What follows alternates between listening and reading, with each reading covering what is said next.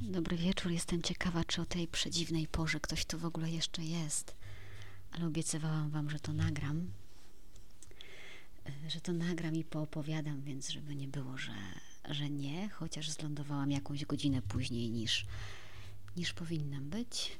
E, dobry wieczór tym, którzy są e, i dzień dobry tym, którzy kiedyś zechcą oglądać to. Prawdopodobnie najbrzydszy program w naszej historii, proszę Państwa.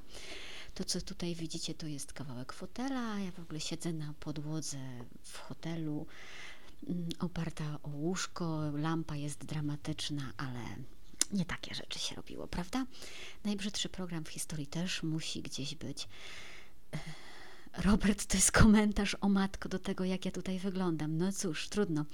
E, Justyna jest, bo Justyna jest z innej części świata. E, Wiesław, Robert, Małgorzata. Wiecie, że jak nie dacie rady, to idźcie spać, sobie kiedyś odsłuchacie. W ogóle taki dzisiaj dzień, że zastanawiałam się, czy to warto to robić, czy nie robić. Czy chce nam się w ogóle bawić w taki dzień w cokolwiek, ale pytania są pytania są takie, że są niezabawne, tylko są o życie. A poza tym chyba dobrze być razem, nawet jak się gada o, o takich rzeczach. Więc jeżeli chcecie wieczoru to spędzić, to zapraszam. E, to nie jest reportaż z wycinków świata, to jest e, suplement do e, dwusetnego QA. Przepraszam za estetykę tego programu. Boże, ja rzeczywiście wyglądam jak duch w tym świetle. No trudno, trudno. Kamila pisze, że miła niespodzianka, a trochę was tutaj jest. Aż co? 56 osób? Ludzie, dlaczego wy nie śpicie? Dobra, lecimy dalej w takim razie z pytaniami. Widzicie, nawet mikrofon trzymam w ręku tutaj, więc przedziwny dzisiaj wieczór. Napiszcie, jak się czujecie.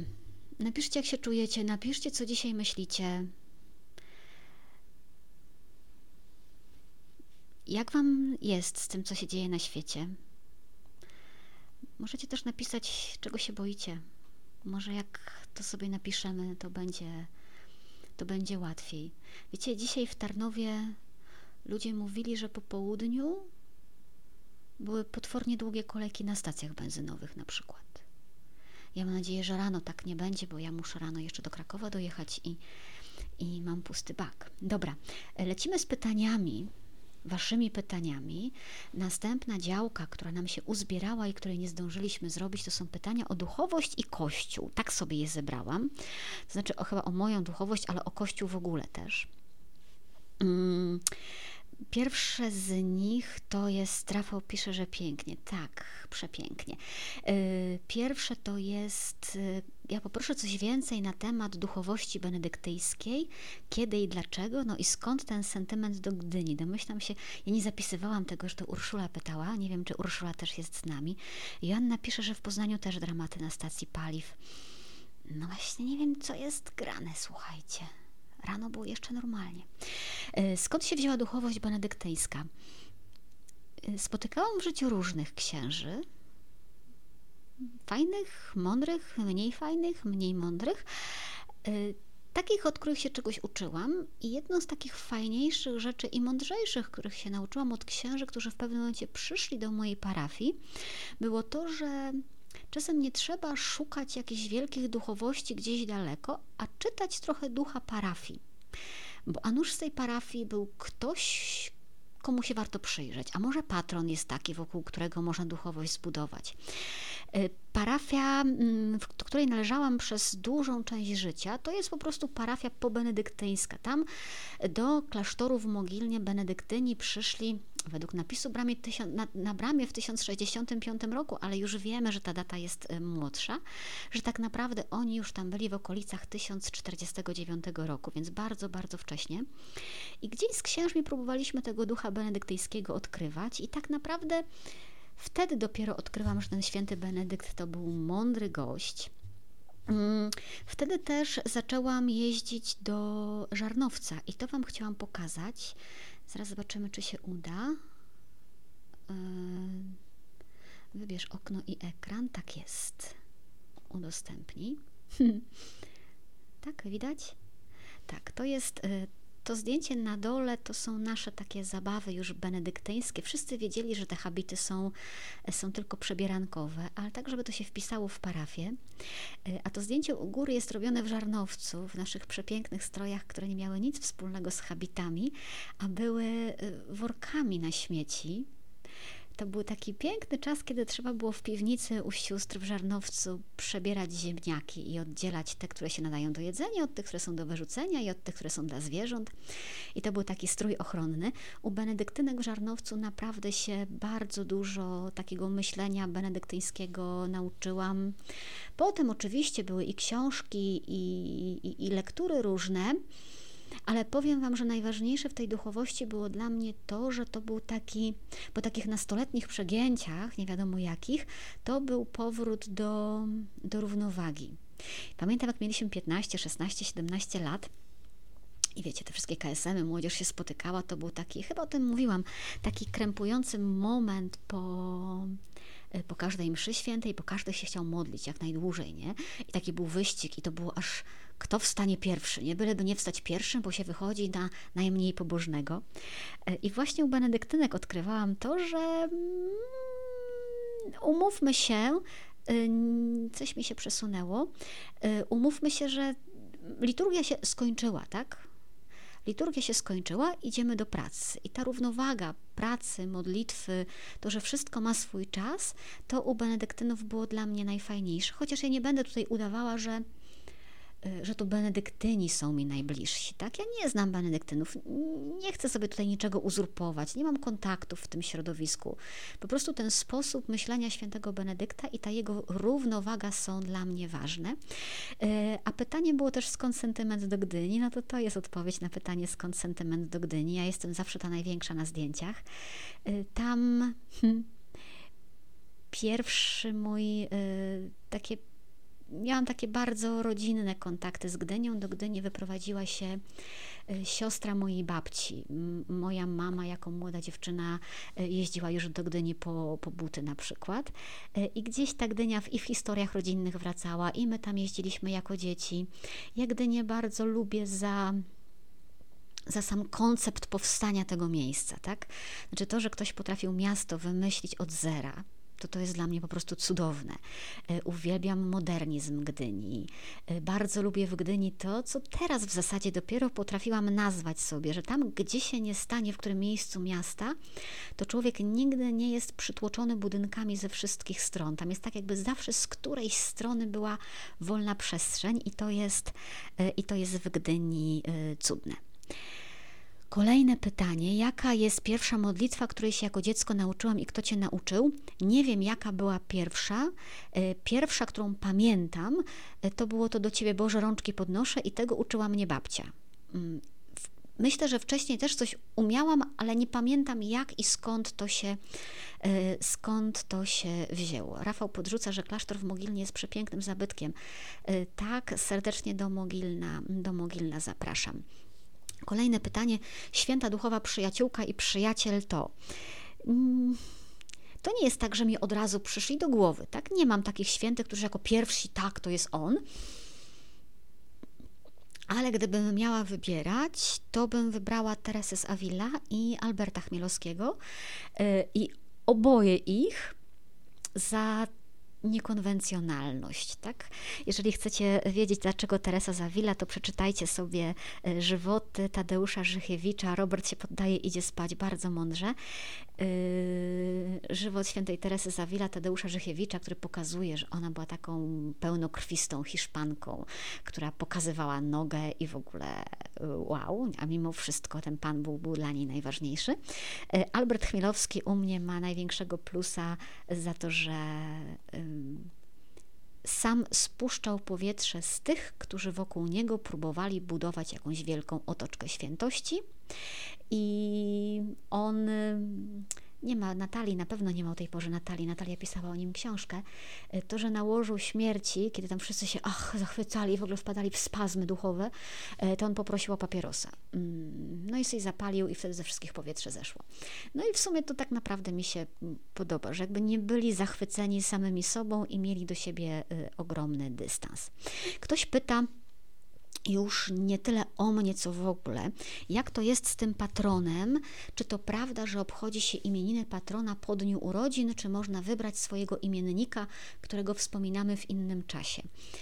Y, świętych obcowanie, w których wierzymy, w które wierzymy, no polega mniej więcej na tym, że wierzymy, że mamy relacje z tymi, którzy żyją po drugiej stronie życia. A relacje zwykle w życiu budujemy z tymi, z którymi chcemy ją budować. Po prostu, tu nie ma wielkiej filozofii. E, kiedyś, pewnie trochę dla ułatwienia, z różnych tam pewnie formalnych względów mówiono, że rzeczywiście imieniny to mają być te pierwsze po urodzinach, ale chyba dzisiaj ja mam wrażenie, że się na to już nie zwraca takiej uwagi. E, a poza tym, proszę Państwa, no za swojego patrona można uznać nie tylko swojego imiennika, tak? Nie tylko tego urzędowego patrona, ale po prostu mogę uznać, że ktoś, kto jest mi bliski, to tak, ja sobie Ciebie wybieram za mojego patrona i po prostu. I myślę, że tak trzeba pamiętać, że miłości to się nie da w żadne, w żadne ramki tutaj wcisnąć. I jak kogoś kochasz, to, to znajdziesz sposób, żeby przy nim być, tak? Po prostu. Niezależnie od tego, kogo ci przydzielili gdzieś tam z góry czy, czy na chrzcie. Kolejne pytanie o moją ulubioną postać żeńską z Biblii. To nie miałam wątpliwości. To jest Rut Moabitka. Za to, że najprościej rzecz biorąc, złamała przekleństwo Pana Boga. To znaczy, y, Rut pochodziła z Moabu, to było plemię y, wyklęte przez Boga, nieczyste, y, z którym Izraelitom nie wolno było nawet nawiązywać relacji. A Rut swoją miłością do męża, który zdążył umrzeć, potrafiła to przekleństwo Pana Boga złamać, czyli przekonała Pana Boga, że jej miłość jest większa niż prawa, które on dał, i wygrała i weszła do genealogii Jezusa. Więc jeżeli chodzi o żeńską postać w Biblii, to zdecydowanie Rut Moabitka, a jeżeli chodzi o postać męską, bo to jest następne pytanie, to jest Tobiasz. Y, Tobiasz z księgi Tobiasza. Y, kiedyś się bardzo uśmiałam, bo jeszcze na studiach byliśmy na takim musicalu coś takiego zrobili właśnie o, o księdze Tobiasza. E, I to już była piękna historia, ale potem zobaczyłam obraz, nie, nie, nie przyniosłam Wam go tutaj, właśnie zatytułowany Tobiasz i Sara i tam na tym obrazie widać, jaka ta Sara była po prostu koszmarnie brzydka. Znaczy ona na obrazie była brzydka, bo naprawdę nie wiemy, no ale to, że jej tam siedmiu mężów umierało w noc poślubną, no to no brzydka w każdym razie była. E, a Tobiasz, a Tobiasz kochał ją jak wariat e, i ten upór i ta miłość Tobiasza są tutaj piękne. E, I też to, że jakby Państwo pytali kiedyś o psa w Biblii, no to on jest właśnie u Tobiasza, tak? Z Tobiaszem idzie pies i ten pies jest tam bohaterem. To jest jedyne takie, chyba, pozy- chyba jedyne pozytywne przedstawienie psa w Biblii. Więc, więc tak, jeżeli chodzi o facetów w Biblii, to, to rzeczywiście Tobiasz. No bo zakładam, że nie pytamy tu Pana Jezusa, prawda?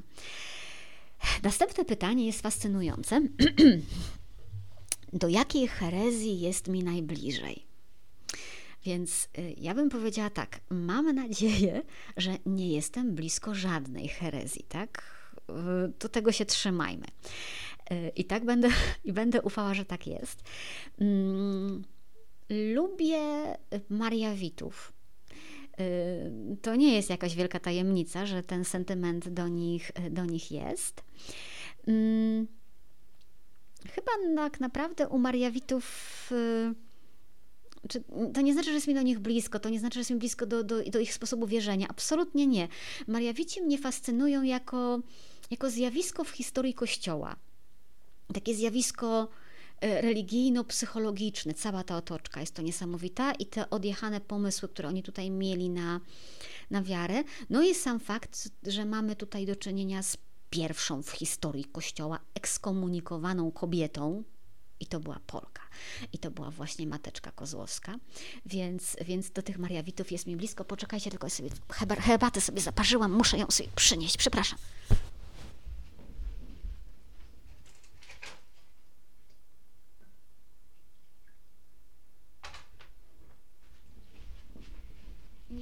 Jadę na sucho.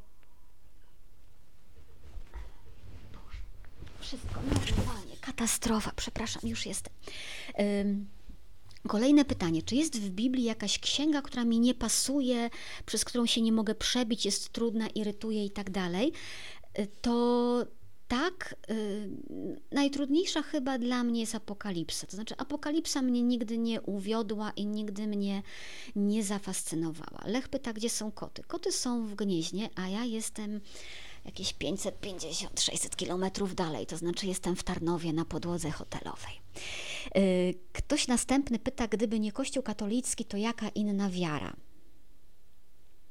Ktoś mi niedawno powiedział, że byłabym świetną protestantką i to miał być komplement, mm, tylko że ja naprawdę nigdzie się nie wybieram.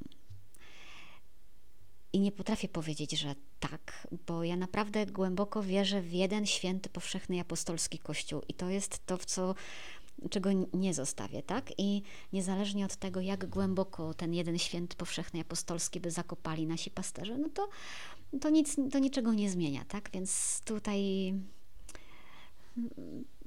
nie szukam, nie, nie szukam niczego innego.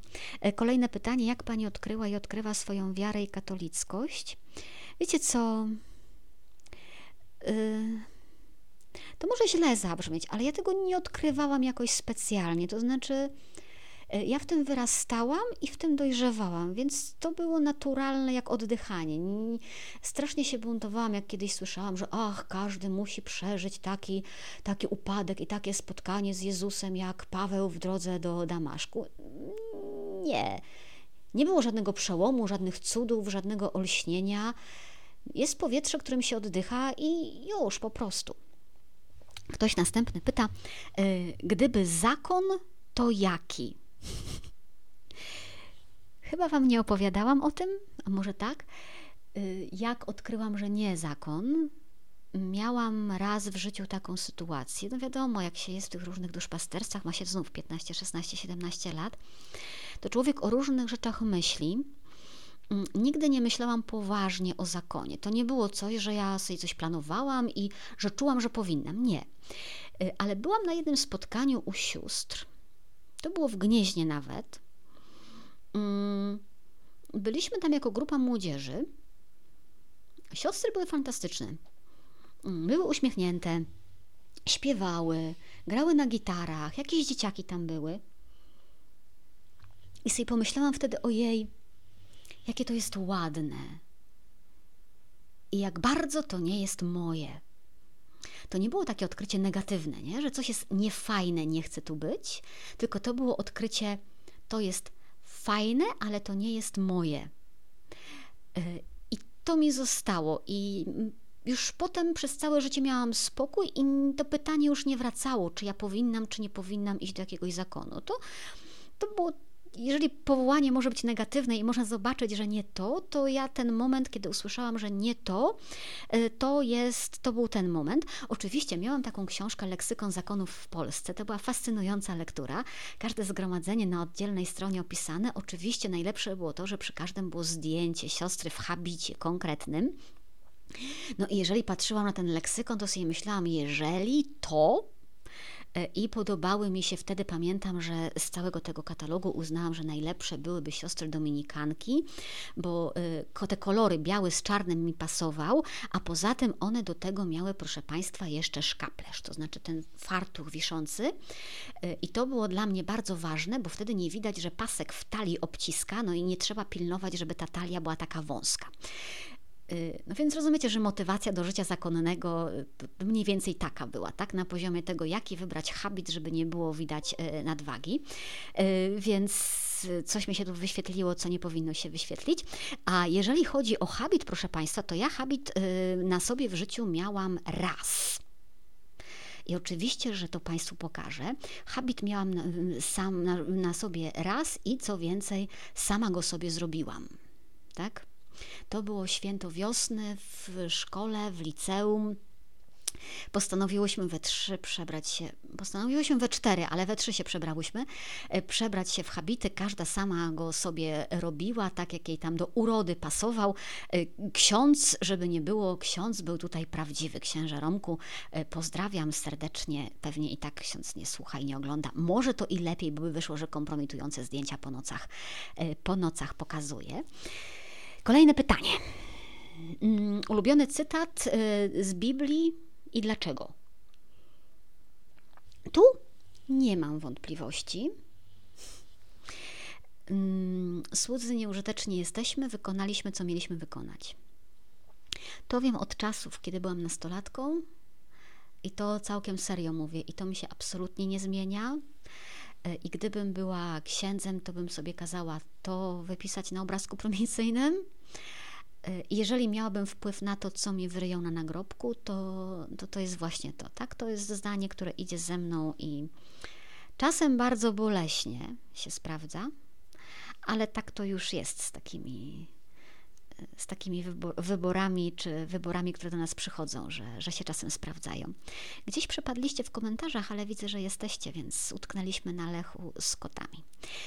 Y, kolejne pytanie. Dominikanie czy jezuici? Ktoś tam potem dopowiadał, że Franciszkanie, a może Benedyktyni. Ja, proszę Państwa, tak naprawdę nie mam. E, ani jakiegoś związku emocjonalnego, ani duszpasterskich doświadczeń z żadnym z tych zakonów. E, ja naprawdę jestem po zwykłej szkole diecezjalnych księży i z zakonnikami nigdy nie miałam żadnych, żadnych relacji. E, tak jak mówiłam, z benedyktynami też nie, bo jak mówię o benedyktynach, to mówię o duchowości benedyktyńskiej, a nie o współczesnych. Nie chcę tu się podszywać pod jakieś, pod jakieś środowiska. Jezuitów znam o tyle, że jacyś wykładowcy byli jezuitami, dominikanów, bo dominikanin ze mną studiował. Y, teraz kilku gdzieś tam znam, ale to raczej przez internet. Nie, ja, ja jestem po prostu po, diecezjal, po szkole księży diecezjalnych, bez żadnych takich y, naleciałości specjalnie zakonnych. Beata pyta, nie wiem, Beaty pewnie nie ma teraz tutaj, jaki jest Pani ulubiony psalm? Konkretnie chodzi mi o psalm, który swego czasu wykorzystywaliśmy jako modlitwę przed lekcją religii w liceum. Znaliśmy go na pamięć, bo to dobry psalm był. Ja się tutaj uśmiecham, bo nie myślałam, że ktoś z moich uczniów w ogóle ogląda te programy, a po pytaniu wychodzi na to, że tak. Y, o co chodzi z tymi, z tymi psalmami? Wiecie, y, jak zaczynałam uczyć już w liceum religii, to pomyślałam, że te modlitwy na początek to Duchu Święty, który oświecasz serca i umysł. Przepraszam bardzo. Mm, kebab. Mm, że ta modlitwa jest. Nie o to chodzi, że ona jest zła, ale oni już ją odmawiają od tylu lat, że już jej nie słyszą. Więc trochę bez sensu. I myślałam, co tu zrobić?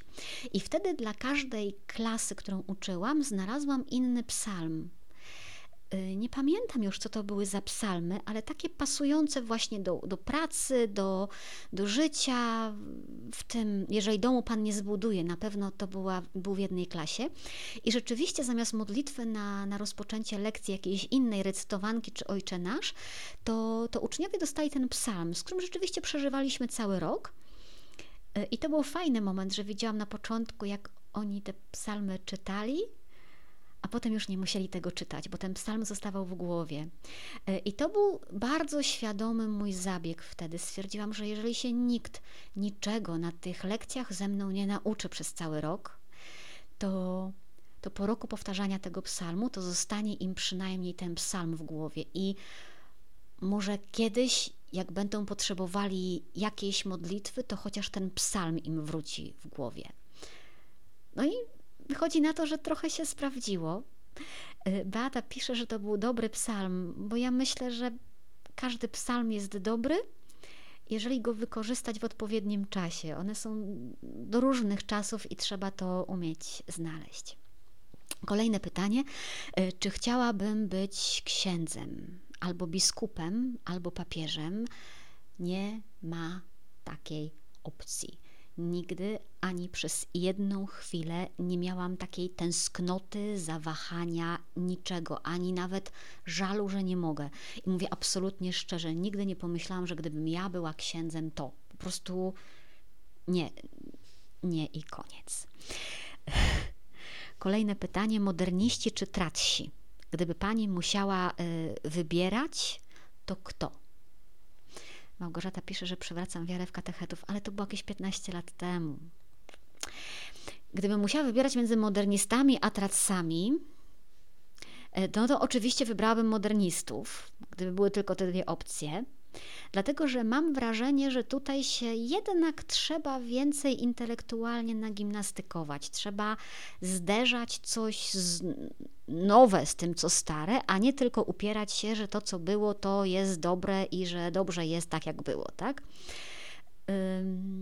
Nie mam takiej mentalności czołgu obronnego, raczej taki nosorożec prący wciąż do przodu, więc, więc gdybym musiała wybierać między między modernistami a tracami, to jednak wybierałabym modernistów, przepraszam.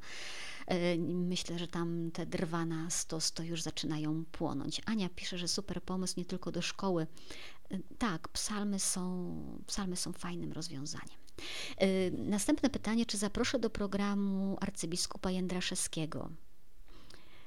Ja bym to poszerzyła, dlaczego nie zapraszam gości, z którymi się nie zgadzam, bo nie zapraszam.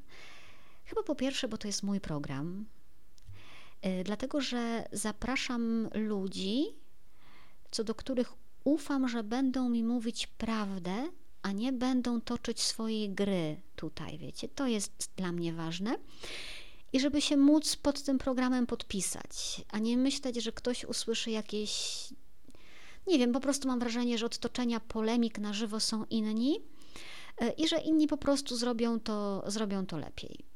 A poza tym umówmy się, no kto wierzy, że arcybiskup Jędraszewski przyjąłby zaproszenie e, do programu, e, albo jeszcze kto uwierzy, że chciałby rozmawiać, a nie tylko upierać się, że, że ma rację.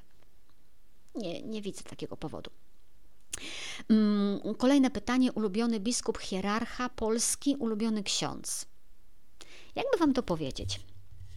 Jeśli byliście nastolatkami, a byliście, mm, to pewnie mieliście pokoje wytapetowane yy, plakatami idoli, nie? Y, to ja nie miałam nigdy żadnego plakatu na żadnej ścianie.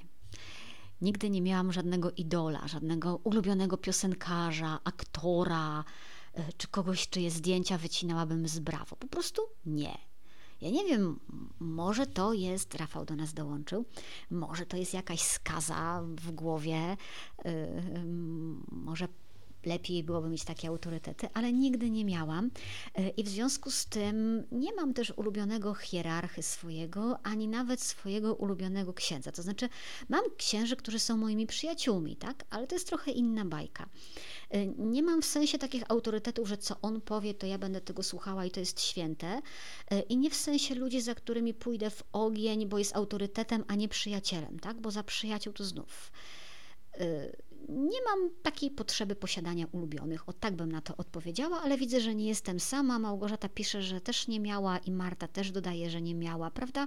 Pokoje czystsze, a nie tam zaklejone jakimiś plakaciskami mm, przystojniaków.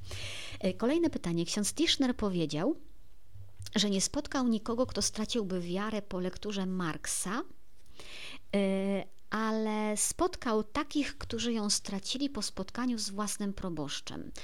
Czy miałam szczęście spotykać wyłącznie dobrych księży w swoich parafiach, głoszących Słowo Boże i nim żyjących?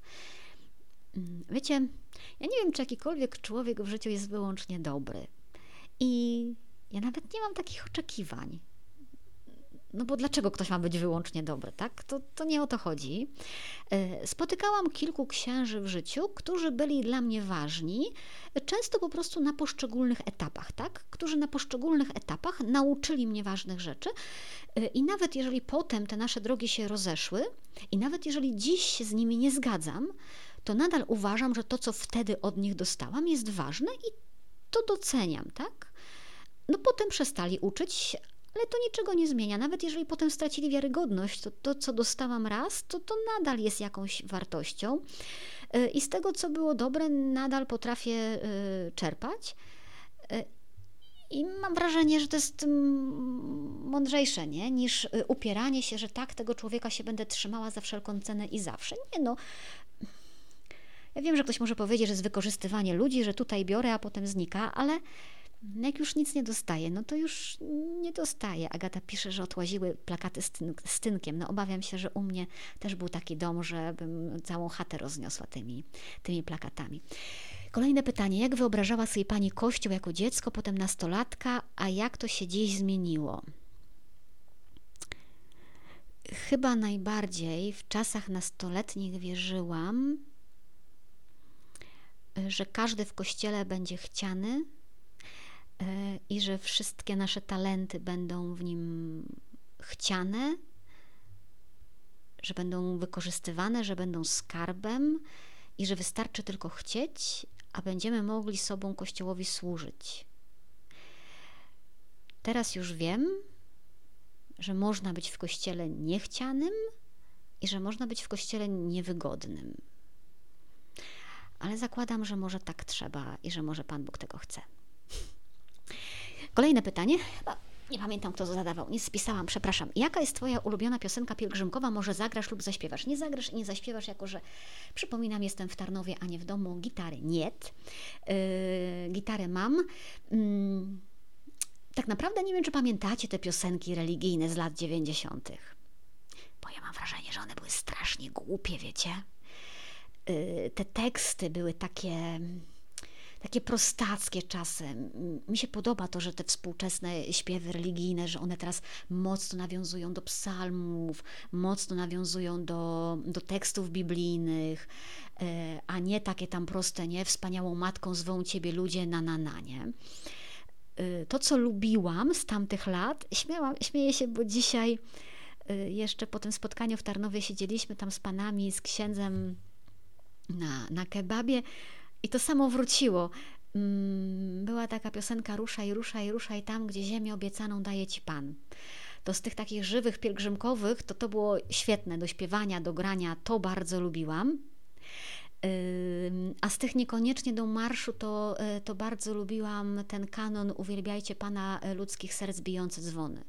I to śpiewane w kanonie było, było fajne, to też na, na flecie potrafiłam zagrać. Y, Lech przypomina, tak, tą heredycką piosenkę o tym, że Panie Jezu, zabierzemy Cię do domu, Panie Jezu, nie oddamy Cię y, nikomu. To była taka piosenka e, młodych kidnaperów po prostu. Nie, barka nigdy nie była moją ulubioną i nigdy nie miałam nabożeństwa do barki. Tutaj Andrzej podpowiada. E, kolejne pytanie. Który z ostatnich papieży, Benedykt XVI, Jan Paweł II czy Franciszek, jest yy, najbliższy sercu?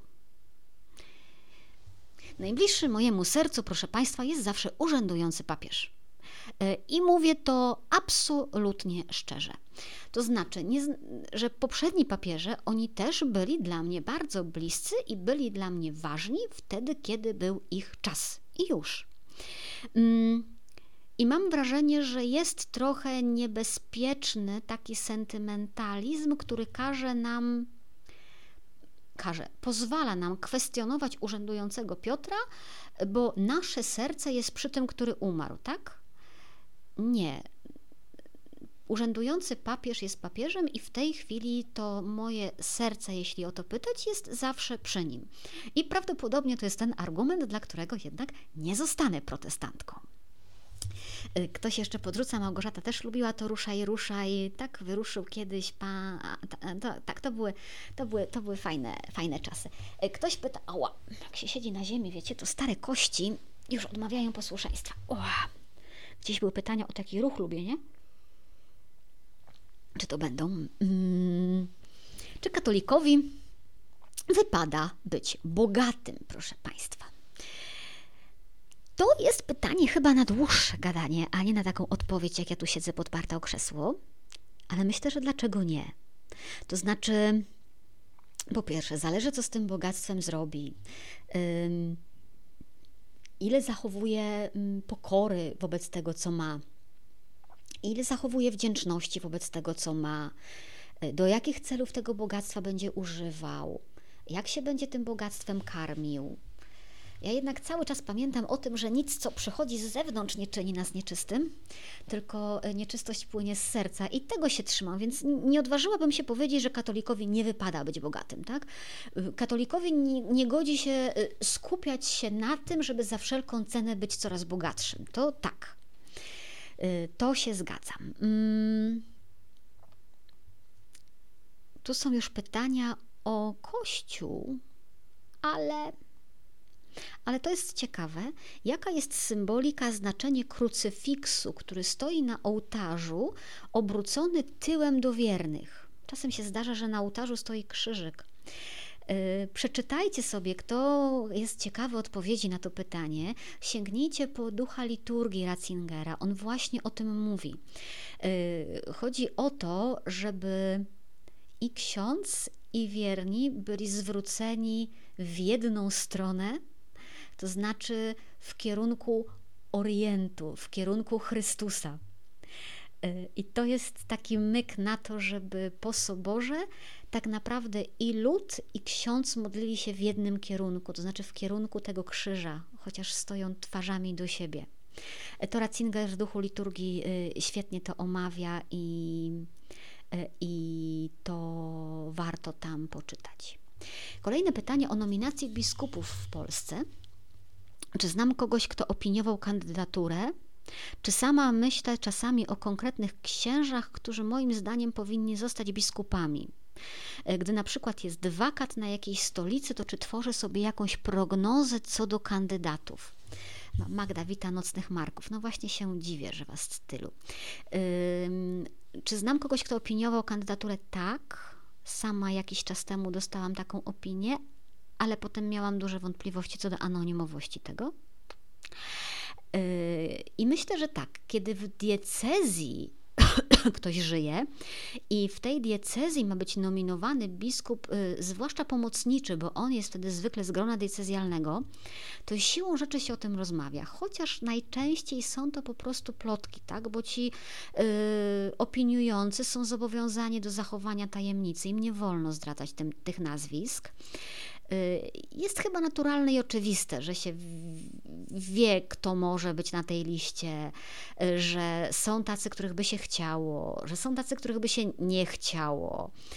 Y, są tacy, których no, niby by się nie chciało, ale przy tych możliwych to oni się okazują genialnym rozwiązaniem, tym lepszym rozwiązaniem ale i tak się tworzą w diecezji takie frakcje. To nie jest tak, że jest jakieś jedno pewne typowanie i ktoś wie. I to jest chyba ludzkie. No bo umówmy się, że Duch Święty nie szepcze papieżowi do ucha, którą kartkę z nazwiskiem ma, y, ma wylosować. Mm, poza diecezją takie nominacje obchodzą nas jednak dużo mniej. Y, ja je zauważam zawodowo.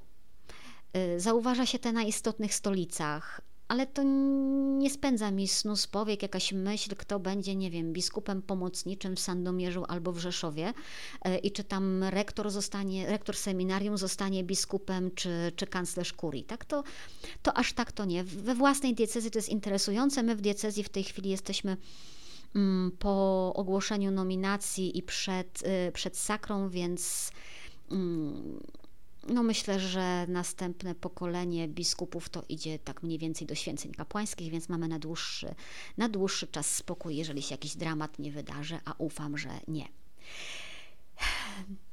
Jak nie zwariować w dzisiejszym kościele? Następne pytanie. Nie wiem, ale próbujmy ile się da. Dzisiaj y, po tych rozmowach tarnowskich tak wyszło nam, że nawet jeżeli się nie da z księdzem, to trzeba próbować bez księdza i też mówić, że to w ramach parafii. A poza tym pamiętajcie, że cokolwiek by się nie działo, cokolwiek by się nie działo, to nikt nigdy nie znalazł ciała Jezusa z Nazaretu. A naprawdę wielu próbowało. Mm, I chociaż to się wydaje po ludzku nieprawdopodobne, to nikt nie zdołał udowodnić, że on umarł i tak sobie został on zmartwychwstał. I tego się trzymajmy, niezależnie od wszystkich innych trzęsień ziemi. I to będzie zawsze moja odpowiedź na pytanie, jak nie zwariować.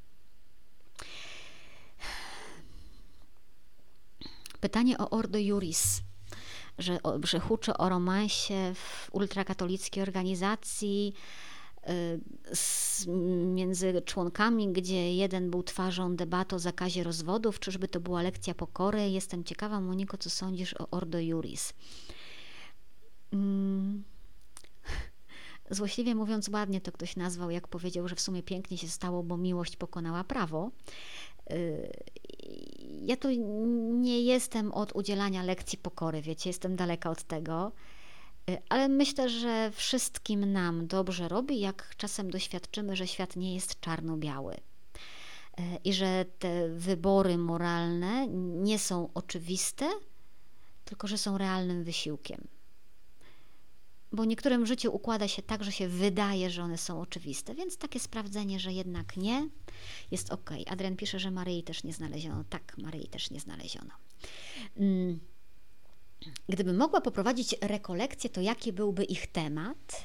A drugie pytanie, bardzo podobne. Uff to religia w szkole. Mogę poprowadzić jedną lekcję na dowolny temat poza programem.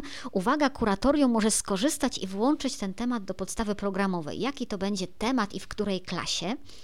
Prowadziłam lekcje religii w szkołach. Zwykle to były lekcje, które no nie do końca mieściły się w, w programie.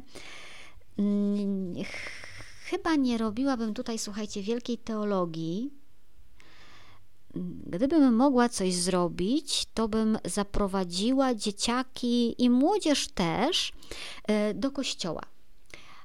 Ale nie po to, żeby tam padły przed ołtarzem i się modliły, tylko żeby obeszły wszystkie kąty, żeby wszystkiego dotknęły, żeby zajrzały do szaf w zakrystii, żeby e, obejrzeli naczynia, szaty liturgiczne, żeby weszli na chór, do prezbiterium, do konfesjonału, żeby oswoić przestrzeń kościoła, żeby y, przestali się w tej przestrzeni czuć obco, nieswojo albo gośćmi, tylko żeby poczuli się w tej przestrzeni gospodarzami, żeby mogli powiedzieć: Aha, ja już wiem, jak to działa, jak to jest. Bo, bo to jest taki chyba drobny sposób na to, żeby, żeby Kościół stał się nasz, żeby parafia stała się nasza E, I myślę, że to, to nie byłoby jakieś wielkie nawrócenie, bo to niczego takiego nie zmieni, ale mogłoby być takim dobrym kroczkiem, a tego, e, a tego, nikt, e, a tego nikt nie robi. Kolejne pytanie. Nie wiem dlaczego do mnie. Żeby praktykować wdzięczność, zachęcałabym do. Zachęcałabym do zapisywania codziennie chociaż jednego zdania, bo wiem, że to zadziała, chociaż sama tak nie robię, tak? To taka rada trochę odklejona, odklejona. Yy, moje nieziszczone marzenie sceniczne. Adrian pisze, siedziałem w konfesjonale na weselu, ale ktoś przyszedł się spowiadać, to tyle było z mojej miejscówki. E, trzeba uważać, zwłaszcza jak chłopaki myślą o tym, żeby iść do seminarium. E, dlatego, że siedzenie w konfesjonale może być potraktowane jak próba spowiadania, a jak ktoś próbuje spowiadać, to potem nie bardzo pozwalają przyjąć święcenia. Czy to jest nawet przeszkoda? Jakoś tam jest jakaś taka histeria, że, że to jest jakoś dramatycznie się boją do tego konfesjonału siadać. Moje niezniszczone marzenie sceniczne. Ja nie wiem, dlaczego komuś przyszło do głowy w ogóle, że ja bym w ogóle, w ogóle miała jakieś e, marzenia sceniczne. Mm, kiedyś przez myśl mi przemykało, że może fajnie byłoby być aktorką. Mm, klimat teatru mi się bardzo podobał, takie, taka możliwość wchodzenia Y, wczucie innej osoby. Nikomu nigdy o tym nie powiedziałam, od razu przyznaję, nigdy i nikomu, jesteście pierwsi. Y, to było, to było pewnie na początku liceum. Y, bardzo szybko uznałam, wiecie jak to jest na początku liceum, nie? Szybko uznałam, że jestem za gruba, za brzydka, za mało śmiała i nie ma co się wygłupiać w ogóle z takimi pomysłami i mi przeszło. Dlatego niezniszczonych marzeń scenicznych w zasadzie nie mam. Miałam takie marzenie teraz, jak czytałam, że y, opera na zamku w Szczecinie w ramach Wośpu wystawiła możliwość y, zagrania w operze, y, znaczy zagrania zwłok w operze. I bardzo chciałam, y, tylko że to się okazało za drogie dla mnie, ale bardzo chciałam nie dlatego, nie dlatego, że jakoś tam mnie ciągnęło na scenę, tylko dlatego, że, że moja przyjaciółka z liceum jest tam w tej operze i śpiewa i pomyślałam, że to byłoby też dla niej takie zaskakująca niespodzianka, no ale tam była taka cena tej licytacji, że, że nie, ale Wam pokażę y, moje sceniczne dokonania, Moje sceniczne dokonania, proszę Państwa, skończyły się mniej więcej na etapie e, przedszkola, tak?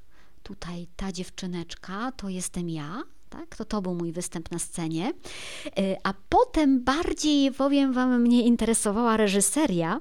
E, jak już byłam dorosła w parafii, to to, to na dole to jest, robiliśmy przedstawienie z dzieciakami, chyba na jakiś Dzień Dziecka i, e, i to były sceny z życia smoków i te smoki to, to sama malowałam, wycinałam i w ogóle robiłam, żeby one były.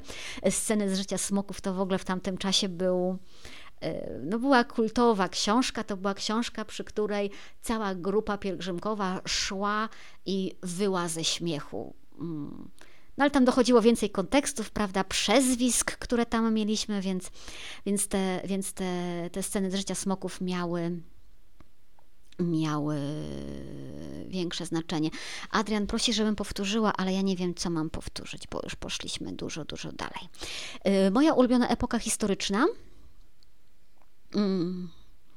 Wiecie, to jest śmieszne, że te epoki historyczne mi się rodzą dopiero teraz, bo wcale mnie historia nie interesowała w szkole. Mnie historia zaczęła interesować dużo później. Y, po pierwsze czas kultury łużyckiej, po drugie wczesne średniowiecze, po trzecie dwudziestolecie międzywojenne. To, co zupełnie mnie nie rusza, to jest antyk. I bardzo przepraszam miłośników antyku, no nie należy do miłośników antyku, po prostu. No to, co trzeba wiedzieć, co kulturalny człowiek musi wiedzieć, no to wiem, ale...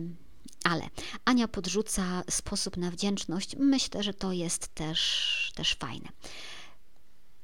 Jak długo to trwa? 46 minut. No dobra, to jeszcze podróże dzisiaj zrobimy. Mhm. Ale nie krępujcie się, możecie iść spać, to można odsłuchać sobie później. Jest noc, jest wojna. Boże, co my mamy za świat? Ile krajów zwiedziłam w Europie i poza Europą? A wyglądam jakby dużo, nie? nie byłam nigdy poza Europą. Y, I wcale nie jestem taką wielką podróżniczką, jak to by się mogło przez ostatni rok wydawać. Y, byłam na Ukrainie, byłam w Czechach, y, w Niemczech tak ciut, nie znam zupełnie tego kraju. Na Węgrzech nocowałam jedną noc. Po starych zdjęciach widzę, że na Słowenii gdzieś byłam, bo mam jakieś zdjęcia z Mariboru, ale to też był jakiś tam przejazd. Przez Słowację, Austrię też raczej przejeżdżałam. W Austrii miałam przygodę, jak jechaliśmy autostopem. Hmm. Wierzę, że Mikołaja tutaj nie ma. Mikołaj, nie słuchaj, wyłącz się, będę cię obgadywać. Y, zaraz po maturze postanowiliśmy jechać y, do Włoch autostopem. To znaczy, mieliśmy jechać pociągiem, ale się okazało, że chłopaki, z którymi jechaliśmy, to nie mogą i oni jedą autostopem, a my z bratem mamy jechać pociągiem, ale że nie umieliśmy po niemiecku, więc stwierdziliśmy, że lepiej jednak z nimi stopem. Y, I wiem, że z Mikołajem wylądowaliśmy w Wiedniu i pan nas wysadził na autostradzie. No więc musieliśmy jakoś się dostać na autostradę z drugiej strony miasta, żeby nas ktoś zabrał. Mikołaj mówi, chodź wsiądziemy w tramwaj, to jest tylko jeden przystanek. Mówię, a bilet, chodź wsiądziemy, to jest tylko jeden przystanek. No i na tym jednym przystanku właśnie przyszedł do nas pan i spytał nas o bilety. Więc tylko zdążyłam szepnąć Mikołajowi, mówi, udawaj, że nie umiesz po niemiecku, przecież nie gadaj po niemiecku. Więc udawał i zapłaciliśmy tylko za bilet. Ale to jest moje wspomnienie wiedeńskie. Byłam młoda i głupia. E, Rafał pisze, że Afryka czeka. Tak, byłam oczywiście w Belgii, właśnie u, u Rafała i Jagody. E, byłam chwilę we Francji, chociaż nie w Paryżu, we Włoszech tak, w Monako na jakieś na jeden dzień, w Chorwacji tak i w Grecji tak. W Szwecji też byłam, na Malcie też byłam. Mm.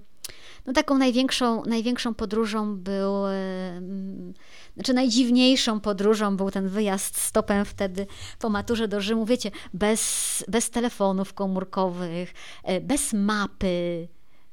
Ja nie wiem, co my sobie wtedy wyobrażaliśmy. E, Mikołaj mówi dzisiaj, kolega, który wtedy był, mówi, żeby swoich dzieci dzisiaj nie puścił. Mój brat mówi, który z nami był, że też by wtedy też by swoich dzieci nie puścił. A my jakoś nie umarliśmy nawet. Y, Monika pyta, czy do Ziemi Świętej bym się nie chciała wybrać. Y, tu następne też akurat pytanie jest, czy byłam w Izraelu. Nie, nigdy nie byłam w Izraelu. Y, to nie jest coś, co by mnie ciągnęło jakoś specjalnie. Mm, miałam taki plan. Mieliśmy lecieć teraz na przełomie kwietnia i maja na takie spotkanie do, do Ziemi Świętej, do Jerozolimy przepraszam, do Jerozolimy. Czekam na informację, co z tym spotkaniem będzie, bo yy, Ryanair odwołał wszystkie loty od kwietnia do Izraela i nie można już lecieć z Warszawy, więc nie wiem, więc nie wiem jak będzie z tym moim wyjazdem. Jeżeli mogłabyś wybrać miejsce, to byłyby to góry, morze, jeziora czy las? Zdecydowanie morze i nie ma tutaj o czym mówić. Yy, kolejne pytanie. Anna mówi, że spóźniłam się jakieś 45 minut, ale to nie jest w ogóle żaden problem dzisiaj. Yy, ulubiony kraj, ulubiona podróż. Wiecie, ja mam wrażenie, że każdy kraj jest ciekawy. Ja się naprawdę dobrze czuję y, w Grecji i naprawdę dobrze się czuję y, z Włochami. Mm, I to są te dwa miejsca, w których byłam i w których spokojnie wiem, że mogłabym żyć. Najlepiej jeszcze, żeby była woda w pobliżu. Y, w takiej Szwecji na przykład, w której byłam dwa razy, nie, doceniam, ale to nie jest moje miejsce, tak? To mi tam daleko jest od niego.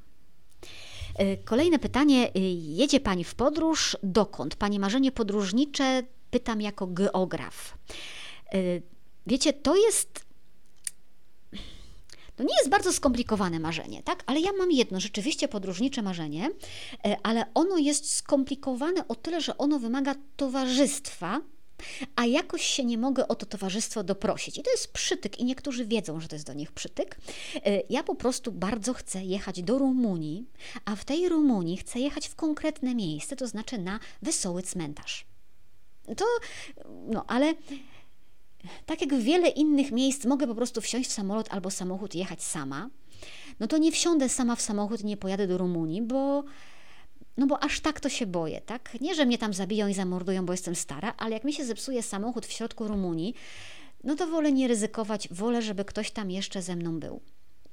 To to jest takie naprawdę konkretne moje marzenie. Ja chcę zobaczyć wesoły cmentarz. Zobaczcie sobie na zdjęciach, będziecie rozumieli tę miłość.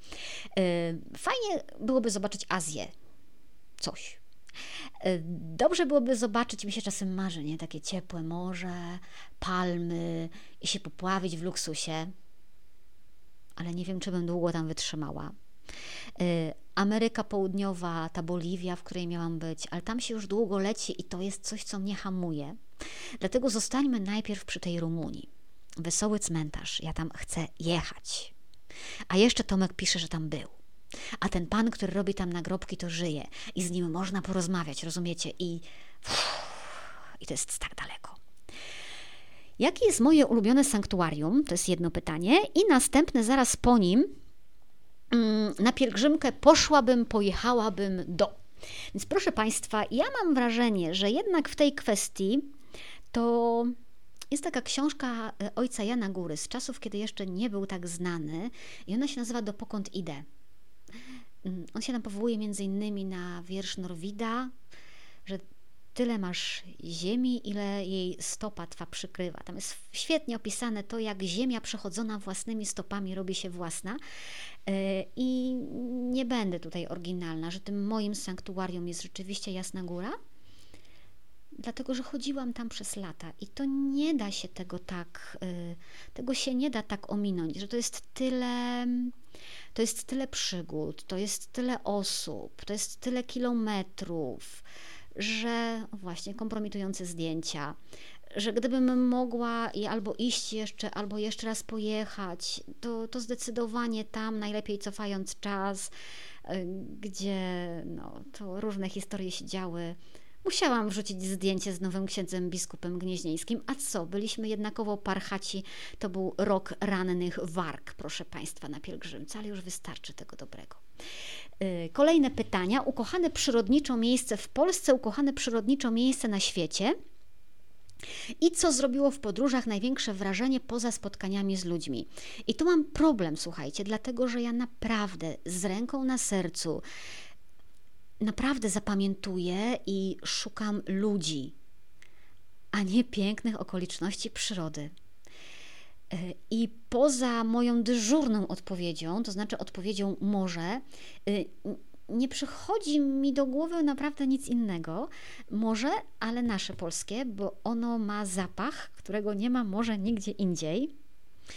Yy, chociaż doceniam widoki. Ostatnio no, zrobiły na mnie wrażenie w Szwecji te ośnieżone pustki, bo tam było pełno śniegu i po prostu nic poza tym, albo ośnieżony park w Göteborgu, albo no nie wiem, ja wiecie, że bardzo lubię odpoczywać w Biskupinie i to właśnie ze względu na to, że tam jest zielono, ze względu na przyrodę i już. To, to, te chałupy to znam na pamięć.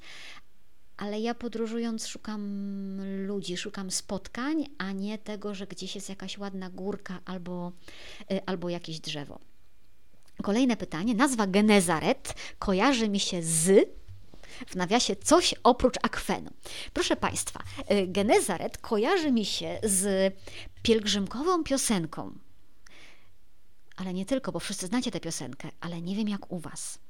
Y, u nas y, ta piosenka służyła do wywoływania deszczu. Można to potraktować magicznie, a można to uznać za y, klątwę jeziora Genezaret. Jak zwał, tak zwał. Faktem jest, że jak to się zaczynało śpiewać, to było wiadomo, że za chwilę będzie jakaś tragedia. Nie wiem, czy mamy czas, żebym ja teraz snuła opowieść z deszczem na pielgrzymce.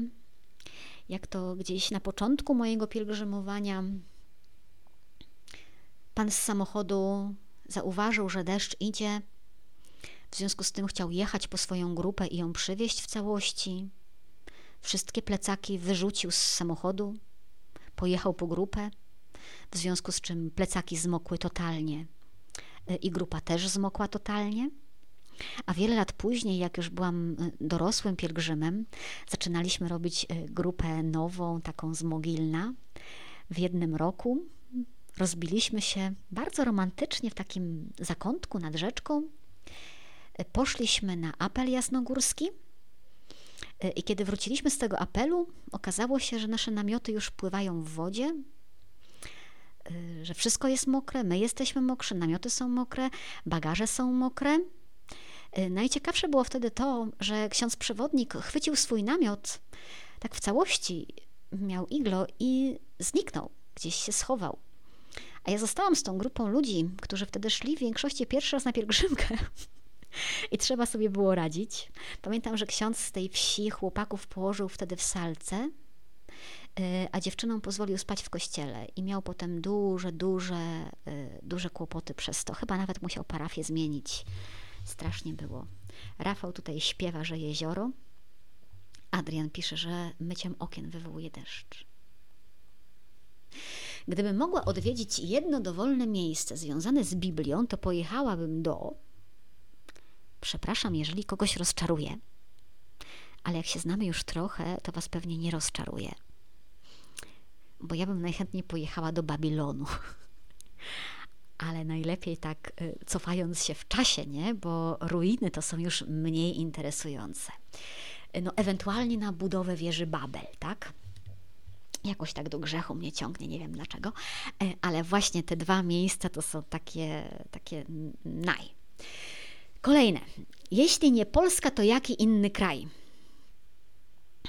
Ojejku, no nudna już będę, nie? Że jeżeli do życia, to nawet nie kraj, to po prostu Ateny, chociaż to jest mało rozsądne, chociaż łatwo się tam nie żyje. Yy, ja naprawdę, naprawdę nie wiem dlaczego, tak? To też musi być miłość. Yy, zachwyca mnie to, że tam się kawy w biegu nie pije.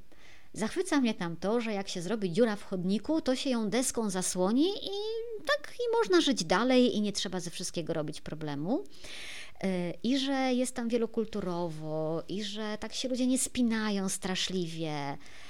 E, no i jest jeszcze jeden ważny argument za Atenami. E, argument, którego nie ma nigdzie indziej. I ten argument nazywa się Saganaki. Zdecydowanie Saganaki, proszę Państwa, to jest argument za tym, żeby żyć w Atenach. Polecam. Aczkolwiek tyję się od tego. Kolejne pytanie. Yy, yy, Route 66, czy kolej transsyberyjska, czy mur chiński? Co chciałabym przejść, przejechać? Jak myślicie, jaki jest mój typ? 61 osób. Co obstawiacie?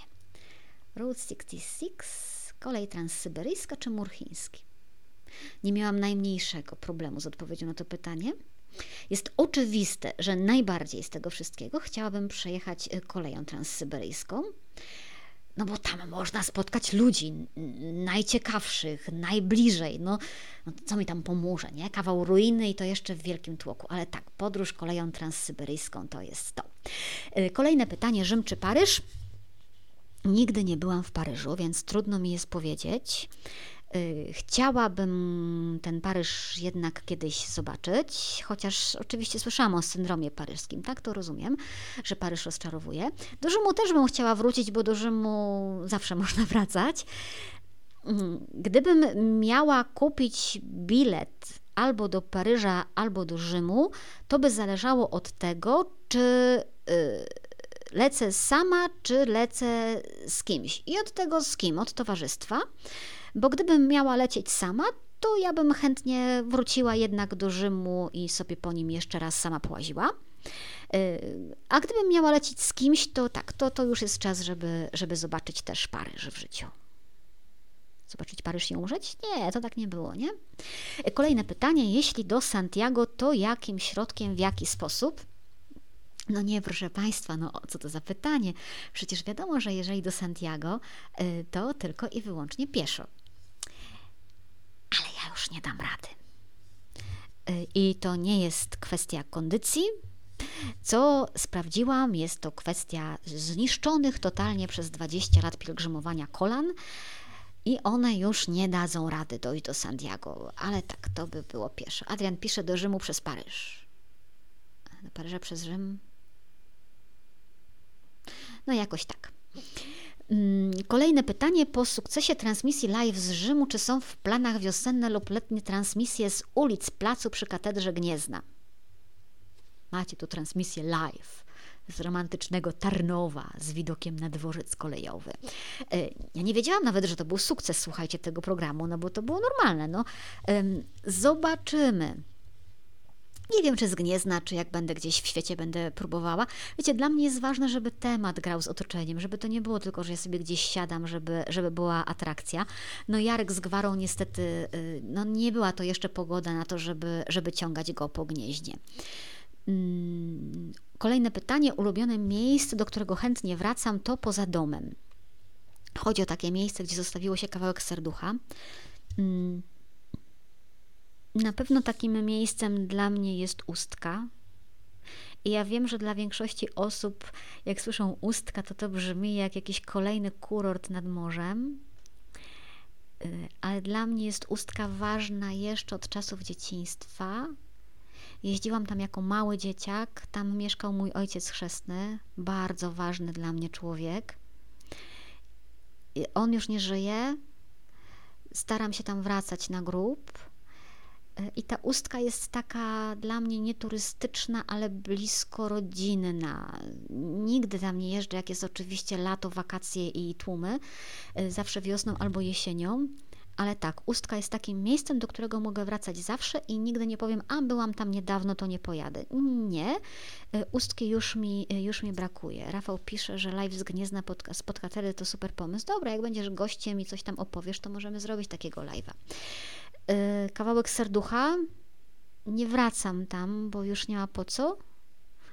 Y, na pewno wielki kawał mojego serca został na Malcie, ale to już nie jest na publiczne opowieści. Y, kolejne pytanie: czy poleca Pani jakieś szczególne miejsca w Rzymie? Tak, polecam. Polecam, proszę Państwa, ktokolwiek będzie w Rzymie, obowiązkowo na Izola Tiberina, na Wyspę Tybryjską i tam Okej, okay, do kościoła świętego Bartłomieja, do relikwii świętego Wojciecha też, ale tam trzeba zjeść tiramisu. To tiramisu na Izola Tiberina jest po prostu obowiązkowe. Obok są też lody bazyliowe, niezłe, ale bez tiramisu proszę mi z Rzymu nie wracać. Kolejne pytanie. W biurze rzeczy znalezionych szukałabym. w biurze rzeczy znalezionych szukałabym takiego przedmiotu, który znajduje się tam najdłużej taki zapomniany, o którym wszyscy już w ogóle nie wiedzieli, że on tam jest, a on się gdzieś tam ukrył i o, to my to mamy? Tak. To ten przedmiot jest dla mnie najbardziej interesujący i na pewno zaczęłabym kopać w jego historii, sprawdzając, co to jest i dlaczego. Znaczy, najciekawsze byłyby stare listy, ale w biurze rzeczy znalezionych to raczej listy nie. Mm. Kolejne pytanie. Cecha, którą szczególnie lubię, cenię u siebie to. Y, cecha, którą szczególnie u siebie cenię, to y, dam radę, ale też ta, której najbardziej u siebie nie lubię, to jest dam sobie radę. Y, kolejne słowo wyrażenia najbardziej moje to no chyba ja tego nie potrafię powiedzieć, wiecie? To wy już pewnie wyłapaliście lepiej ode mnie, co jest najbardziej moje. Mam nadzieję, że nie yy, bo to by była porażka. Nie wiem, co mam teraz zrobić, bo trwa to godzinę. A tu jeszcze zostało i zostało tych pytań waszych. Uzbieraliście ich za dużo. Uznajmy, że wy idziecie spać, a ja sobie pogadam, co? Jest 0.35. Muszę wstać koło 8 rano, żeby dojechać na 10 do Krakowa. Jaka była moja pierwsza dziennikarska praca? Bo teraz się o pracę uzbierało. To Wam jeszcze pokażę. Przywiozłam specjalnie do Tarnowa, żeby Wam pokazać, wiecie? Czekajcie, będzie widać. O, widzicie co to jest? To jest gazetka ze szkoły podstawowej, w której byłam. No dobra, pani dyrektor już nie żyje. To ja wam powiem. Ja tę gazetkę wymyśliłam i poszłam powiedzieć, że takie coś by mogło w szkole powstać. A pani dyrektor powiedziała: OK, dobry pomysł. A potem komuś innemu dała tę gazetkę do robienia przez rok. Nie zapomnę jej tego. Dopiero po roku y, zostałam ja tam szefową w tej gazetce, chyba w ósmej klasie. Y, I to był fajny czas, wiecie, bo robiliśmy sobie podróże do innych szkół na przykład, żeby było takie, co dalej po ósmej klasie. I jeździliśmy do szkoły do do Pobiedzisk na przykład, do Torunia, do takich oryginalnych szkół, nie takich zwykłych liceów, żeby je pokazać. E, w tej gazetce przeprowadziłam swój pierwszy wywiad porażkę. Mój pierwszy wywiad porażka to był wywiad z panią Ryszardą Hanin, świętej pamięci aktorką. Pojechaliśmy do jakiegoś teatru, miałam z nią zrobić wywiad. Wprawdzie poszłam do niej, podpisałam się na książce, ale że ja zawsze byłam taką strachliwą gęsią, to się bałam o nią cokol- ją o cokolwiek zapytać, więc oczywiście o nic jej nie zapytałam, a wywiad potem napisałam z takich, wiecie, ogólnych informacji, które wszędzie były potrzebne pod tytułem, a kiedy pani zaczęła, pani pierwsza rola, nie? Beznadziejne to było. Potem, y, potem długo, długo nic się nie działo, jeśli chodzi o moją pracę dziennikarską. W czasie studiów, jak byłam, to mm, marzyło mi się radio. To był etap przystanku Alaska. My mieliśmy wtedy dom w Mogilnie z takimi oknami wychodzącymi na ulicę i tak sobie marzyłam, że to byłoby idealne na takie studio radiowe jak w przystanku Alaska, nie? E, ale potem zaczęłam pracować w szkole, potem w szkole było mi niedobrze i, i uciekłam na doktorat. E, w międzyczasie pisywałam różne takie, wiecie, programy, konferencje na pielgrzymkę gnieźnieńską e, i ksiądz, który, który się zajmował przewodnikiem katolickim w Gnieźnie, gdzieś te rzeczy dorwał narobił szumu, że panią dziennikarkę z Warszawy sprowadza. Nie wiedział, że w Gnieźnie mnie znają. Gdyby wiedział, to pewnie by mnie nie sprowadzał. Y, no ale tak naprawdę to była dopiero moja pierwsza dziennikarska praca za pieniądze, kiedy ja już miałam pewnie ze 30 lat i kiedy byłam w przewodniku zatrudniona. Mm, Małgorzata pisze, że zainicjowała gazetkę parafialną rzeczywiście coś takiego, ja też trochę pisywałam w takiej gazetce parafialnej, to się Benediktum nazywało, tylko wiecie, e, problem polegał na tym, że ja wtedy byłam na studiach i napisałam tekst właśnie na podstawie ducha liturgii Ratzingera. I jak ja napisałam ten tekst, to wiem, że baby z parafii e, pojechały z tym, czy wysłały to do kurii żeby sprawdzić, czy jakiś heryzji nie głoszę, bo im się wydawało, że ten, rozumiecie, po prostu absurd to był wtedy, absurd, ale ja już wtedy wylądowałam w kurii, że herezję głoszę. Oczywiście, że niczego tam nie znaleźli, tak, bo to był Benedykt, ale na takie myślenie miał mało miasteczkowe, no to ja byłam w ogóle wywrotowcem straszne. W Mogilnie łosie nie chodzą po ulicach, a ja bym powiedziała, tam łosi właśnie sporo i przykład ze skargą na Ratzingera jest przykładem takich, takich łosi. E, w ogóle mój pierwszy numer przewodnika, słuchajcie, który musiałam zrobić w Gnieźnie, to też była niezła przygoda. E, pomijając, że kiedy byłam tam zatrudniona, to mieliśmy sprzeczne informacje, bo ksiądz, który mnie zatrudniał, to mi powiedział, że będę szefową w tej gazetce, a koleżance, która tam pracowała od lat, powiedział, że ma mi patrzeć na ręce i mnie sprawdzać. No więc tam było niezłe ognisko zapalne. A tak się zdarzyło, że koleżanka, która tam pracowała, w momencie, kiedy ja przyszłam do pracy, ona się rozchorowała. I rozchorowała się tak, że nie mogła pracować przez te pierwsze dwa tygodnie. Więc ja przyszłam do nowej pracy, była gazeta do zrobienia. No i tam trochę był Marcin, który trochę pisał, ale w zasadzie dużą część roboty musiałam zrobić sama, wrzucona w ogóle na głęboką wodę. No ale jakoś poszło. To tak było. E, czy można zapytać, ile czasu zabiera Pani przygotowanie jednego odcinka programu? Więc wygląda to tak, że już jak się kończy jeden program, to ja cały czas przeglądając internet, czytając wszystko, mam włączony filtr na program i jeżeli coś jest interesującego i może do programu wejść, to wrzucam sobie do specjalnych kart w Trello.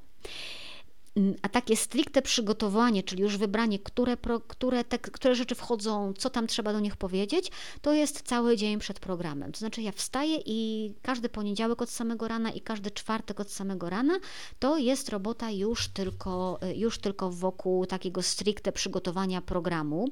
Widzę, że Rafał zakładał gazetę, Boże, Wzrok Ludu? Boże, człowieku, który? Rok 89, Wzrok Ludu? No ale to żnijne. E, Ania też zainicjowała gazetkę parafialną, w której się wyżywała teologicznie i dziennikarsko. Mam nadzieję, że na ciebie nie donoszono. Czy mogę zapytać, kiedy wystąpi Pani w wersji na różowo lub biało? Ten niebieski też kamera lubi. Który kolor poza czarnym jest ten najulubieńszy? Proszę Państwa, czarny kolor absolutnie nie jest moim ulubionym. E, znaczy, ja kiedyś lubiłam czarny kolor, na ubraniach też i ta epoka skończyła się jakieś 12 lat temu, kiedy w moim domu zamieszkał czarny ko biały kot. Y, no więc skończyło się. Kilka dni temu byłam na siłowni, słuchajcie, akurat założyłam nową koszulkę yy, i poszłam i pan na mnie spojrzał i mówi: "O, ma pani kota w domu". To była nowa koszulka. Yy, więc nie mam w domu czarnych rzeczy wcale tak dużo. Yy, czarny w programie ma bardzo praktyczne znaczenie. To znaczy, pierwsze to jest czary Mary, tak? O, proszę zobaczyć. Nie widać mikrofonu, a ja jestem estetką i mi to przeszkadza, że ten mikrofon widać. Po drugie, kiedy zakładam jakikolwiek kolor na siebie, to y, światło inne daje jak jestem ubrana na zielono, to mam czerwoną twarz i tak dalej, i tak dalej. Więc za każdym razem musiałabym inaczej ustawiać światło, żeby wyglądać jak człowiek. A po trzecie, i to jest dla mnie najważniejsze, bardzo Państwa przepraszam, ten program zasadniczo poza takimi właśnie Q&A'ami jak teraz nie jest o mnie y, ja nie zamierzam tutaj dyskusji prowadzić na temat y, a jak jesteś ubrana, a że dzisiaj ładniej niż wczoraj, a tutaj taka bluzeczka, a nie, tak, zostańmy przy kolorze czarnym i zajmijmy się treściami, a nie tym, czy jestem na czerwono, czy na, czy na zielono. Kolejne pytanie. Jaki jest Pani dziennikarski sposób na to, że słucha się Panią ponownie, nawet jeśli w poprzednim odcinku z czymś się z Panią nie zgadzało? Nie wiem. Nie wiem, ale jeżeli tak jest, to, to jest super i ja się bardzo, bardzo z tego cieszę. Może dlatego, że ja się po prostu zgadzam na to, że możemy myśleć inaczej, y, że są prawdy wiary, tak, ale oprócz tego są nasze poglądy, są nasze doświadczenia y, i to chyba trzeba umieć rozdzielać. Y, może dlatego, że jakby nie mam zamiaru udowadniać innym ludziom, że są idiotami, bo myślą inaczej niż ja, ale to jest pytanie tak naprawdę do Was, a nie do mnie. Dlaczego wracacie, jeżeli się ze mną nie zgadzacie? Jejku, ile to było działalności w mediach, po prostu ludzie, no to trzeba wykorzystać gdzieś kiedyś. Kolejne pytanie, który program zapadł mi w pamięć najmocniej i dlaczego? To jest naprawdę wielka dziennikarska słabość, zwłaszcza po tylu latach pracy, słuchajcie, że te treści przelatują nam przez głowę. I one przelatują jak przez sito i naprawdę niewiele pamiętam. Czasem ktoś mówi, fajny tekst w twojej gazecie czytałem. Ja mówię, mhm, a teraz mi przypomnij, kiedy i o czym on był, bo ja nie wiem ten ostatnio, co to dla ciebie znaczy. Naprawdę nie pamiętam. Yy, chyba mi został w głowie Robert Fidura, wiecie, to spotkanie. Yy, no nieczęsto się zdarza na ekranie, żeby mieć historię, a do tego papierosa, a do tego łzy i tam było po prostu wszystko i takie natężenie emocjonalne, że że takie programy zostają. Pytanie o to, kiedy wrócą gawędy na dobranoc. No mogę obiecać, że się będę starała. To też zależy od tego, ile nam się dzieli, dzieje innych historii. E, kolejne pytanie. Ile egzemplarzy liczy Twoja kolekcja, kubków i który jest ulubiony? Słuchajcie, ja się naprawdę staram nie gromadzić gratów. Ja nie mam kolekcji kubków. E, w tej chwili są te dwa, których używam na zmianę, to znaczy Flamingi i Mikołaj. E, flamingi kupiłam, jak mi się ten z lawendą stłukł. Mm, mam taki ten trzeci kubeczek, który, z którego teraz piję, bo ja zabieram moje kubeczki nawet e, w podróż, nawet do Aten. Inaczej mi herbata nie smakuje, a wszędzie są takie malutkie, że to wystygnie zanim się napije, więc, więc nie, herbatka. Dzisiaj też mi wystygła. Herbatka jest zawsze ze swojego kubeczka.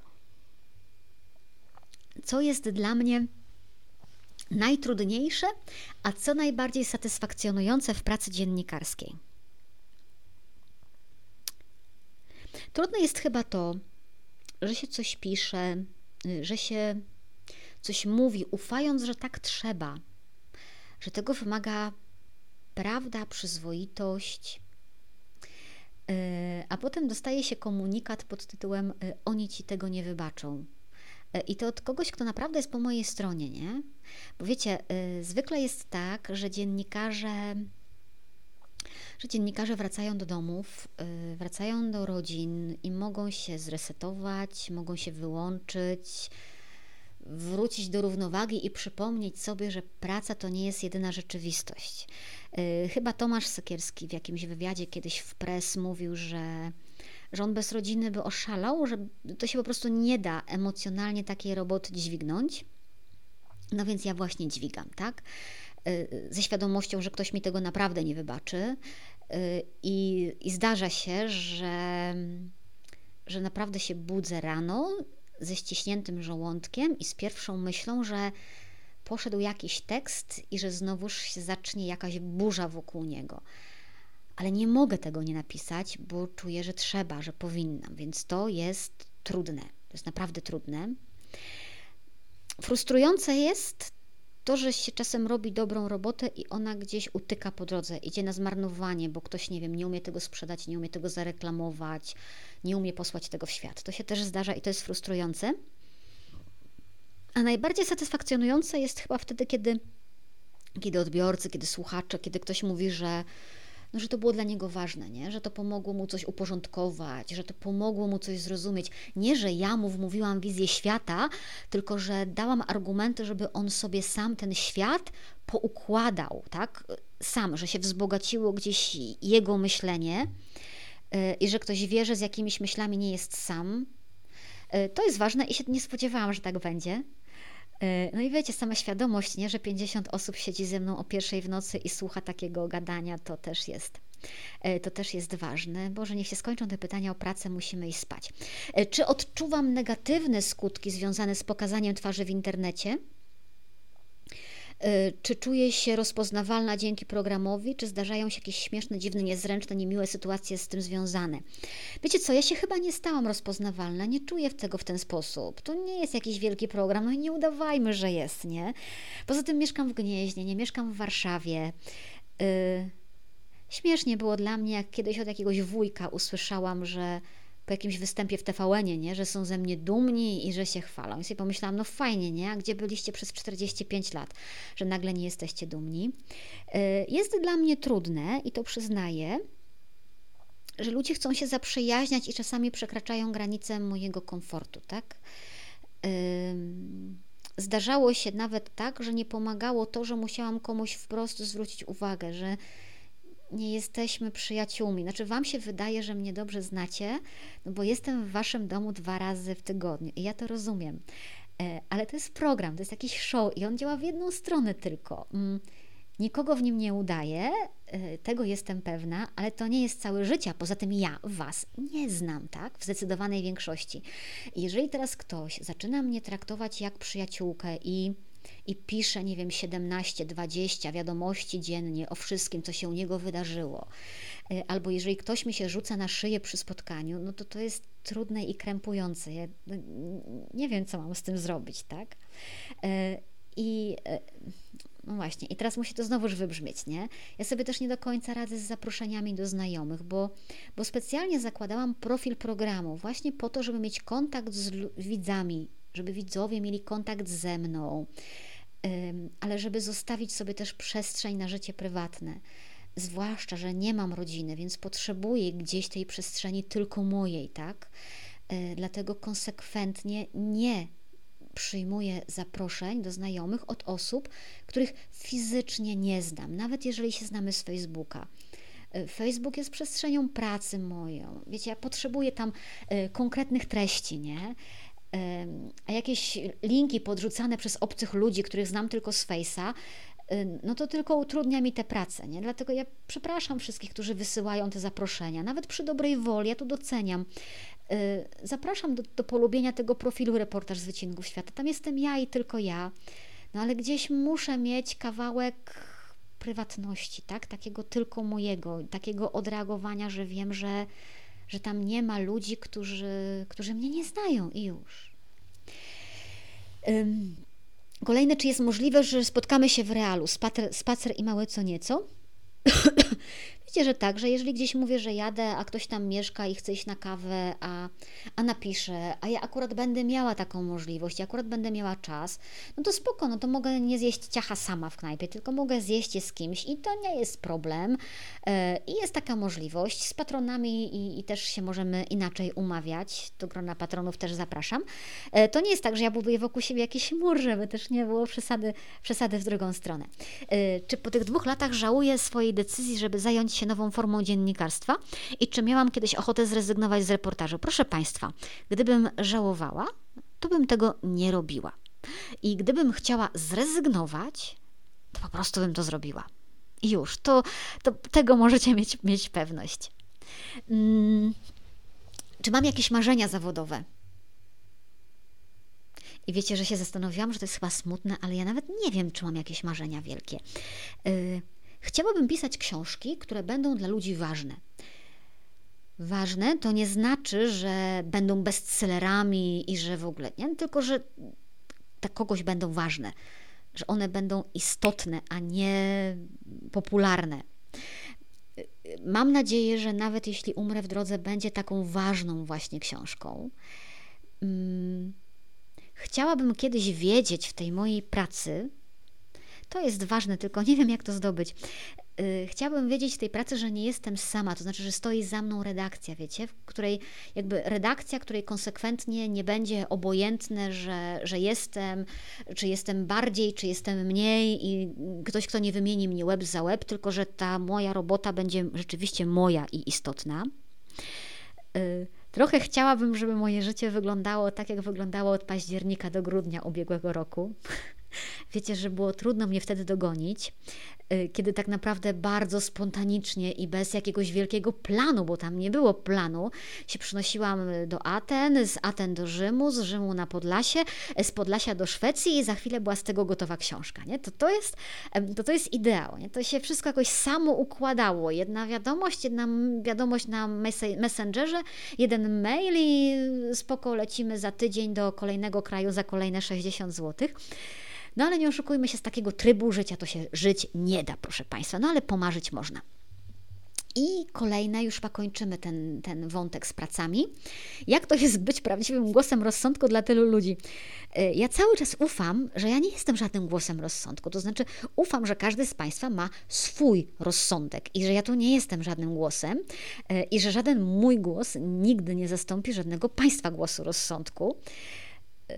Myślę, że jeśli się posługiwać argumentami w dyskusjach, to te argumenty będą u drugiego człowieka wywoływać własne kontrargumenty, i to jest fajne. I ufam, że nie jestem głosem rozsądku, tylko uznajmy, że mogę być jakimś aktywatorem mm, rozsądku albo głosu rozsądku. Tak to sobie nazwijmy ale jest prawie pierwsza w nocy, więc mogę, więc mogę bredzić. Kolejne pytanie, wymarzony pokój z widokiem, oczywiście na wydmy i na morze. Yy, kolor okularów szkieł, przez które patrzę na świat to przezroczyste. Absolutnie przezroczyste yy, i na dodatek często czy, czy, czyszczone, bardzo nie lubię brudnych okularów.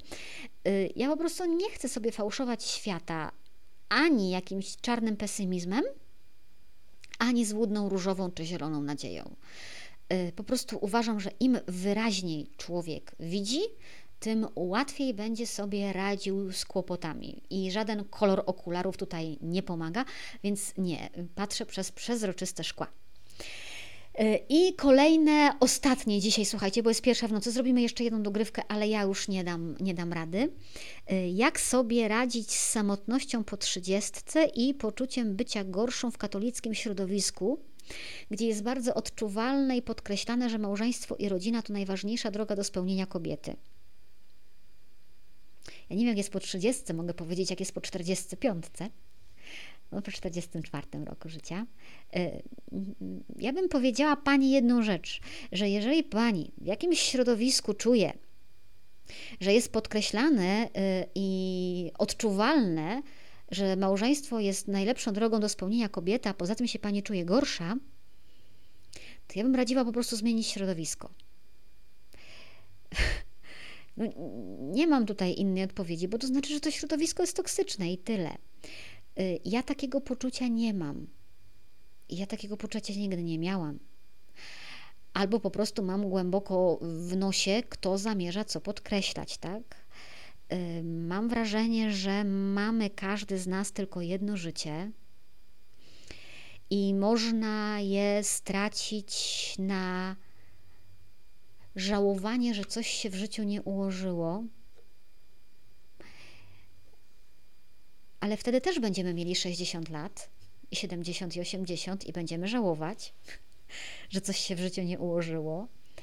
E, albo nie marnować życia na dostosowywanie się do cudzych oczekiwań, tak? tylko wyciskać życie jak cytrynę i i, i, robić tylko to, co od nas zależy i tyle, ile się da i tyle, no. A jeżeli komuś na mnie nie zależy, a ma jakieś oczekiwania, to niech spada, no co mnie obchodzi to, co myślą o mnie inni, z całym szacunkiem, no. Każdy przeżywa swoje życie sam. To tyle. Nie traćcie czasu na ludzi, którym na Was nie zależy. Tyle, tyle Wam powiem. Jest godzina 0056. Zdecydowanie wystarczy. Zostało jeszcze pytania o wolny czas. Nigdy nie skończymy i inne. To jeszcze zrobimy sobie jedną dogrywkę, ale ona będzie bardzo krótka. Ona będzie taka na 45 minut. Y, I nie będę dłużej gadała. Zostało 45 osób. Y, zdecydowanie wystarczy. Trzymajcie się. Dobrej nocy. Obiecuję, że w poniedziałek wrócę. Obiecuję, że w poniedziałek już będzie normalne tło, będzie mela, będzie fufu, będą książki za ścianą. Ja nie będę siedziała na dywanie, nie będę podświetlona jak duch dziwnym światłem. Wy pamiętaj, pamiętajcie, że ja muszę z samego rana do Krakowa jechać, więc ufam, że uda mi się zankować, że y, nie. No, że ta wojna jednak będzie inaczej wyglądała. Dobrze było z Wami pogadać tak w nocy, nie? Zupełnie inaczej. Trzymajcie się, nocne marki. Nie kończę dzisiaj normalnie, bo to dzisiaj nie był normalny, normalny program. Y, dobrej nocy i do zobaczenia w poniedziałek. Trzymajcie się.